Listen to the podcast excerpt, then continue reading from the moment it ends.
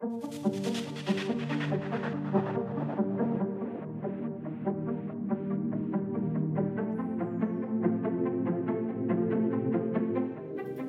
ja, nu är vi igång.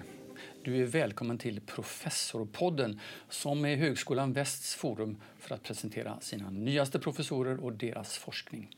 Jag heter Ulf Axelsson och alldeles strax ska du få möta huvudpersonen i det här avsnittet, Lars Walter.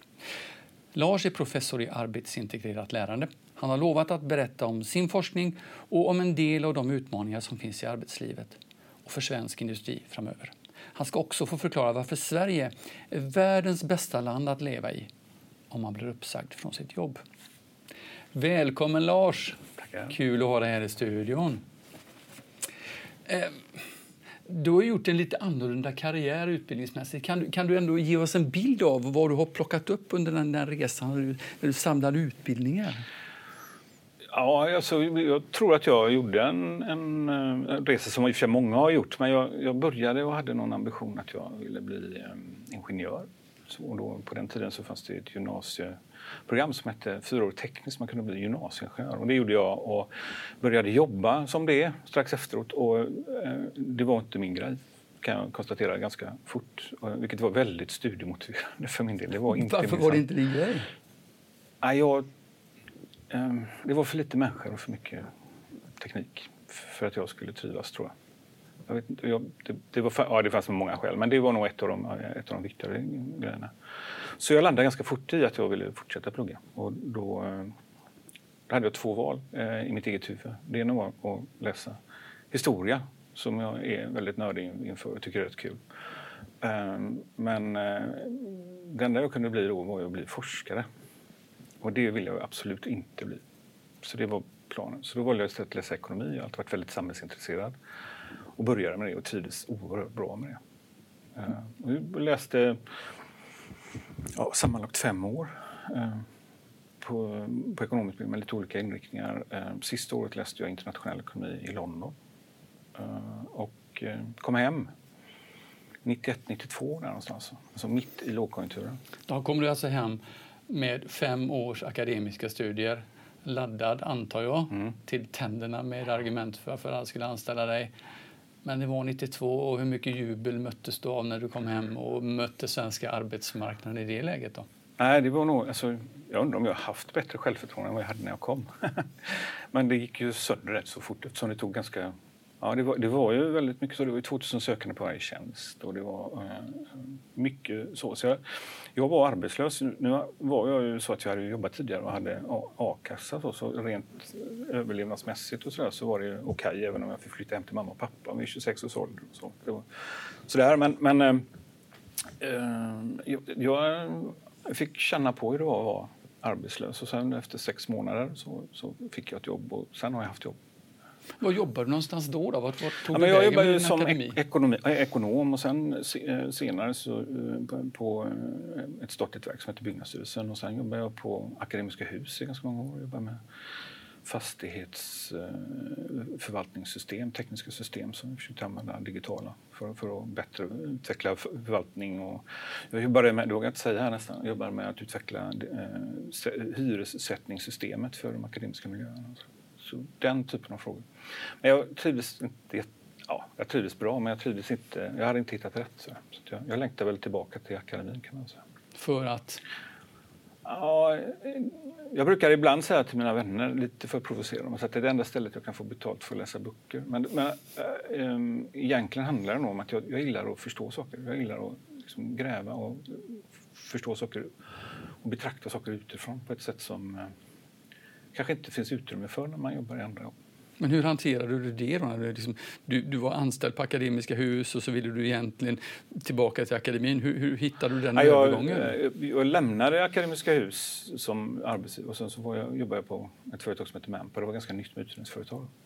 Manpower? Hyr, manpower. Ja. Och de hyrde ut mig till Akademiska hus samtidigt som jag försökte, för jag behövde försörja mig samtidigt som jag började som doktorand. Och sen så efter någon, eh, ja, det var något år så fick jag en, en fungerande doktorandtjänst och finansiering och sen har jag varit kvar på akademin. Men jag var ändå 34 då tror jag när jag började, så det var ju nästan tio år äldre än vad den typiska doktoranden var. Vad var din inriktning då när du tittade när du skulle börja, börja inom akademin igen? Vad hade du? Hade du någon nytta eller glädje alltså, av din, ditt arbetsliv då i, i läget? Det fanns ju några fördelar tycker jag med att ha jobbat innan. Alltså, en av fördelarna var att jag var väldigt, eh, jag visste varför jag var tillbaka. Vilket jag kan tänka mig ibland som doktorand att man funderar, ska jag göra? Jag borde kanske testa något annat. Så där, den, jag var väldigt trygg i att jag ville vara där jag var och det var väldigt bra. Och det andra var väl att jag, jag Alltså det blev väldigt naturligt så av något skäl eh, att jag, jag hamnade i arbetsmarknadsfrågor. Jag, ville, jag, jag, tyckte det här med manpower, det var mycket diskussioner kring bemanningsföretag då. Jag tyckte det var lite... Jag var ju inte bara på Akademiska huset, jag gjorde ju andra uppdrag och så också. Jag fattade aldrig riktigt hur jag hamnade där jag hamnade och det var, det var i och för sig kul och, och så. så jag, det blev så att jag skrev om bemanningsföretag i min, min avhandling. Det blev liksom, och det hade jag nog inte gjort om jag inte haft den erfarenheten. Utifrån vilken vinkel skrev du om ja, alltså hur man hamnar där man hamnar. Jag intresserar mig för matchning på något sätt. Och hur mm. man matchar och hur man faciliterar mobilitet på arbetsmarknaden kan man säga. Vad betyder det? Facilitera mobilitet? Hur, hur, man stödjer, understödjer det, hjälper folk från ett arbete till ett annat i massa olika sammanhang. Och det har, det har speglat min forskning framåt ganska mycket. När i tiden var detta? För detta var väl i slutet på 1990-talet. Liksom. Strax före eh, ja, millennieskiftet. Hade bemanningsföretagen slagit igenom i Sverige då? Ja, delvis. Alltså, eh, de blev eh, legala, eller de juridiskt okej okay att använda från och med 93-94 men de hade väldigt svårt att hitta sin form i början. Men eh, slutet på, på 90-talet och framförallt i början på 2000-talet när jag skrev min avhandling då, då blev de väldigt stora men de blev också föremål för rätt mycket politisk diskussion därför att de uppfattades som en utmaning till hur vi jobbar i Sverige och den svenska modellen.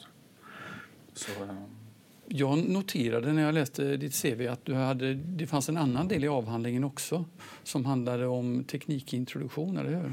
Ja, egentligen inte som, inte, det fanns en del i det i avhandlingen men det, fanns, det, det, blev också senare och det kan man väl säga att jag, det blev också indirekt men det, eh, jag fortsatte sen med faktiskt bemanningsföretag eller gjorde det parallellt med avhandlingen. Att jag tittade lite, dels kollade jag på bemanningsföretag hur de funkar men jag, funkar också, jag var också ute i olika sektorer i samhället för att försöka förstå hur de användes. Bland annat var inne i, i sjukvården. Där. Och då märkte jag att det skedde Eh, eftersom jag är mycket på plats, min metod handlar väldigt mycket om att vara väldigt kvalitativt orienterad. Jag använder sociologiska teorier och väldigt mycket etnografiska metoder. Så det, det bygger på att jag är närvarande i de organisationer jag studerar. Så i Manpower så var jag två dagar i veckan ett, ett år, två, tre dagar i veckan i ett, ett och ett halvt år. Och, och eh, det är svårt att göra kanske i mindre studier, men jag är mycket på plats och då ser man andra saker. Och en av de grejerna som jag upptäckte i sjukvården som jag började intressera mig väldigt mycket för, det är ju att man, det, skedde väldigt stark teknikutveckling eh, kopplat till behandling men också till mycket andra saker. Och, och, och, det var inte helt självklart enkelt hur man skulle integrera det i sin egen profession. Vad var det för teknikutveckling på sjukhusen då, som, som kom då? Ja, inledningsvis handlade det ju rätt så mycket om um, att man digitaliserade ganska eh, mycket system.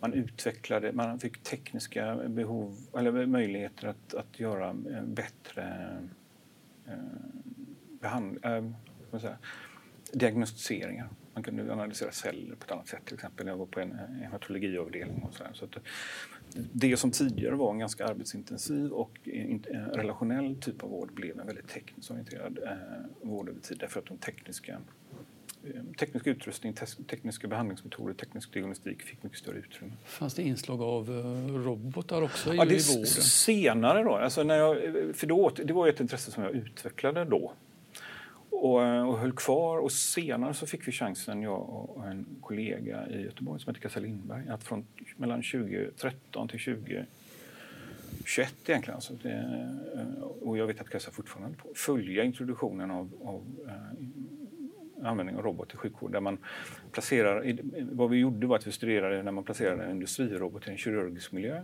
Och på den industriroboten hade man satt röntgenutrustning som kunde rotera runt patienten. Så att man kunde generera bilder under behandling och operation i 3D i realtid. Så det var ju väldigt mycket high-tech, väldigt intressant på det sättet. Men det krävde också mycket utrustning, mycket kompetens, mycket människor på det här rummet. Så jag brukar beskriva det som att vi, vi, vad vi studerade var ett, ett tomt rum fullt med utrustning med roboten i mitten. Och det vi ville förstå var hur man kom därifrån till en fungerande operation. Och hur folk jobbar ihop och sådär. Och där, var ju, där blir det väldigt uttalat arbetsintegrerat lärandeperspektiv om man, eh, på HV-språk. Jag kallade det inte riktigt det då, men det är samma sak. Det handlar verkligen om hur lär man sig använda den här tekniken? Hur lär man sig jobba tillsammans på nya sätt? Hur lär man sig att förstå tekniker när man inte är van att jobba med tekniker som sjuksköterska till exempel? Och vad tog du med dig ur ditt avhandlingsarbete när det gäller, när det gäller omställning? Hur gick du vidare med den frågan? Var, man kan ju säga att jag samlade på mig sådana där... Så, alltså det finns ju ganska många institutioner i Sverige som håller på och matchar. Alltså hjälper folk att komma från ett jobb till ett annat. Och det, det var Arbetsförmedlingen. Vi gör, det finns särskilda insatser riktade till folk som kommer nya till Sverige. Jag höll på rätt mycket med att studera validering till exempel, som en form av matchning. Eh, och sen kom jag in på på det svenska omställningssystemet. Det, vill säga att, att vad, eh, det finns ett stödsystem som fack och arbetsgivare äger eh, tillsammans som hjälper folk som blir uppsagda på grund av arbetsbrist vidare i arbetslivet. Hur ser det systemet ut? Ja, det, är ju, eh, ja, det som utmärker det i relation till andra system andra länder är för första att staten har en ganska liten roll. Utan det är arbetsgivare och arbetstagare själva som har gjort det. Man, det är reglerat via kollektivavtal och man har byggt upp permanenta organisationer. Så att de, många känner väl till Trygghetsstiftelsen och TRR och, och, och, så. Så att de, de täcker också olika delar av arbetsmarknaden. Men vad de, de är ju, kan man säga, en typ och experter på att hjälpa folk från ett jobb till ett annat. Så, så det blev naturligt. Eh, från 2010 började jag jobba mer med, den, med det fokuset. Vad drog du för slutsats av det svenska omställningssystemet visavi andra länder globalt sett? Ja, det, det, var ju, det var ju så att det här projektet som vi höll på med, det slutade 2015 och det Eh, då hade vi gått igenom, gjort en studie av det vi kallade för omställning, vi har gått igenom alla de här organisationerna och det täcker ju de flesta som är på arbetsmarknaden. Och, och det, vår preliminära slutsats, och det är inte alltid man har den känslan när man studerar arbetsmarknaden, kan man säga, eh, var att det här var ett ganska välfungerande system. Eh, och det stöddes ganska tydligt faktiskt av, av OECD som hade gjort en studie i, efter, i efterdyningarna av finanskrisen. Så vill man förstå hur man hanterar strukturomvandling och, eh, och hur man hanterar de personer som blir arbetslösa i olika länder. Så man har gjort en genomgång av alla de här länderna, eller alla, inte alla, men flertalet OECD-länderna. Och då visar det sig att de pekar ut Sverige som best practice med de här eh, omställningsorganisationerna. Där vi nästan var eh, ja, vi var säkert dubbelt så bra på att få tillbaka folk i arbete och vi var väldigt förhållandevis snabba. Alltså man var inte arbetslös särskilt länge. Nu är det nog så att de två sakerna hänger ihop ganska intensivt. Mm. Så det, gjorde ju, det satte ju lite fart just på att vi var klara med vår, eh, vår bok kring det och, lite så, eh, och så sammanföll det här. Så att vi fick ju lite internationellt intresse. Jag har varit på rätt många sådana, eller inte många, men några stycken OECD-konferenser och pratat om det och gjort lite sådär just för att det var så och det vi också fick möjlighet att göra där, eh, vilket, vilket är väldigt tydligt kopplat till idén om AL, var att vi, vi byggde en, en samverkansorganisation kan man säga. Där vi permanent, eller vi träffade de här vdarna för de här olika omställningsorganisationerna i Sverige. Från början var det fem och nu är det sex, fyra gånger om året. Och, eh, dels så förmedlade vi forskning så det blev en slags utvecklingssak. Eh, för dem. Det blev ett sammanhang där de kunde prata utan att ha det dagliga. Och det blev en möjlighet att följa dem över tid och, och få access till deras organisationer. Och så. så det blev ett väldigt systematiskt sätt att jobba med, med relevanta aktörer på det här området externt. Och det lever kvar. Och det, där, det finns och fortsätter eh, det arbetet. Under den här perioden jobbade du på Handels i, var anställd på Handels i ja. Göteborg. Eh, men någonstans på resan så var det någonting som fick dig att eh, titta på Högskolan Väst. Hur, hur, hur, hur hamnade du här? Ja, eh, alltså, som alltid så är det lite slump och, och lite eh, medvetet. Som, som är, jag, hade ju varit på, jag var nog inställd på att jag skulle stanna på Handelshögskolan i Göteborg resten av min karriär. Jag trivdes ganska bra där. Men jag, tänkt, sen när man, alltså man, när man kommer till en viss ålder så har man en tendens kanske att börja fundera över om man vill göra något annat. Eller att, att man, om man ska göra något annat så bör man göra det eh, nu, annars kan det bli eh, omöjligt. Och jag tror att jag, jag hamnade i den situationen att jag började ändå titta på det. Och då har jag min fasta bas längs med Bohuskusten. Jag bor i Stenungsunds kommun, Stora Höga. Och eh, jag vill inte flytta därifrån. Det är en sån given utgångspunkt. Så då fanns det, det fanns Handelsskolan i Göteborg, att vara kvar där eller på något annat sätt hitta olika möjligheter på GU. Eh, Chalmers var ju definitivt ett möjligt alternativ med lite annan typ av inriktning och annat. Eh, eh, jag hade, ja, det, det, fanns lite sådana möjligheter. Men någonting triggade så att du kom hit? Vad ja, var det? det? och då var det så också. Det var någon som sa till mig, men Högskolan Väst, har du tittat på Högskolan Väst? Det är ju nära och de gör intressanta grejer. Och precis då så var det en utlysning. Eh, eh, denna utlysning som jag sen sökte i professor i arbetsintegrerat lärande. Där jag först kanske inte riktigt förstod hur nära den låg mina intressen, men när jag fick hjälp med det så var det väldigt tydligt att den var Alltså, arbetsintegrerat lärande, och särskilt i en industriell kontext, handlar väldigt mycket om att förstå förändring, och, och, och, och i alla fall utifrån mitt perspektiv.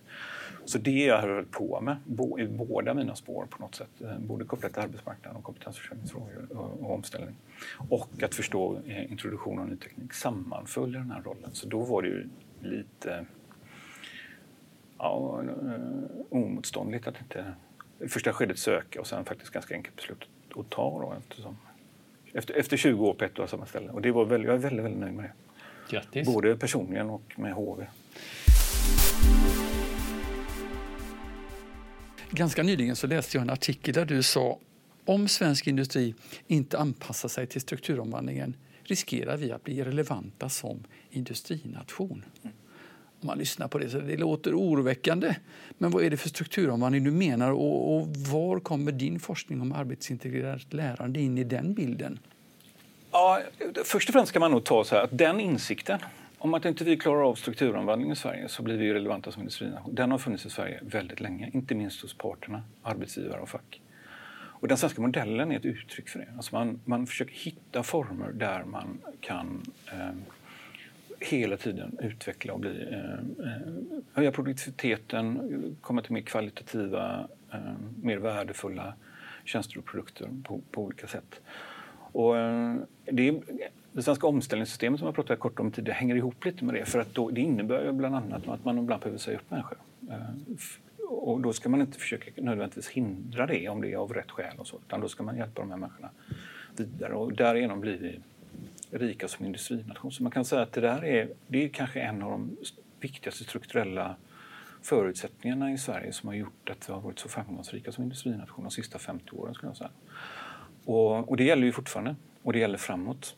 Eh, det som händer, och det kanske, jag skulle säga att det gäller ännu mer. Jag brukar så här, eh, kraftfulla metaforer så brukar jag prata om den, eh, alltså de tio kommande åren som, som den perfekta stormen. Där vi har eh, ett antal olika strukturomvandlingsfenomen eh, alltså, eh, som vi måste förhålla oss till. Så det ena är ju den pågående digitaliseringen, den präglar oss väldigt, väldigt mycket redan nu. Det andra är ju både de etiskt och politiskt initierade behovet av klimatomställning som kommer påverka industrin väldigt mycket som också är pågående och, som sker. Så man kan göra stål utan kol nu för tiden. Så det, det händer ju otroligt. Vad kan man göra? Det kan man göra allt. Men det, man kan göra väldigt mycket i alla fall. Så, så, så det pågår. Eh, men det finns också andra utmaningar tycker jag. Alltså den, den, det finns en demografisk utveckling som man inte nödvändigtvis ser så tydligt i industrin än som man ser i offentlig sektor. Det att vem ska vi rekrytera?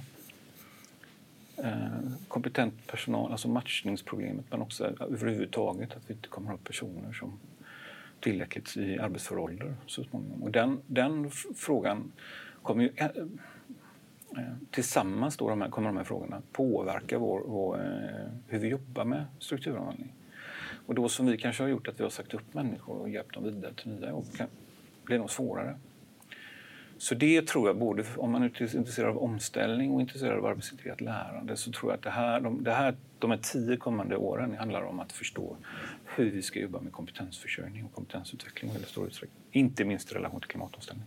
Är du orolig för att, att, att, att, få, att inte få gehör för detta eller känner du att du har parterna med dig? Har du fack och har du arbetsgivare med dig? Har du även staten ja, alltså jag, man, man, som forskare så känner man ju sig, alltså det är ju inbyggt i rollen att man alltid är lite missförstådd ändå. Alltså man inte, men men det jag tycker att det här är en ganska levande fråga och jag tycker ju att eh, en, en som jag också tycker har blivit lite för lite uppmärksammad, en, en konsekvens av den här ganska långdragna diskussionen kring LAS så, så, så eh, ja, ett sätt att lösa upp den här knuten var ju att man gjorde en, en gigantisk, utlovade en gigant, till parterna utlovade en gigantisk satsning på, eh, på att bygga upp en ny infrastruktur för kompetensförsörjning.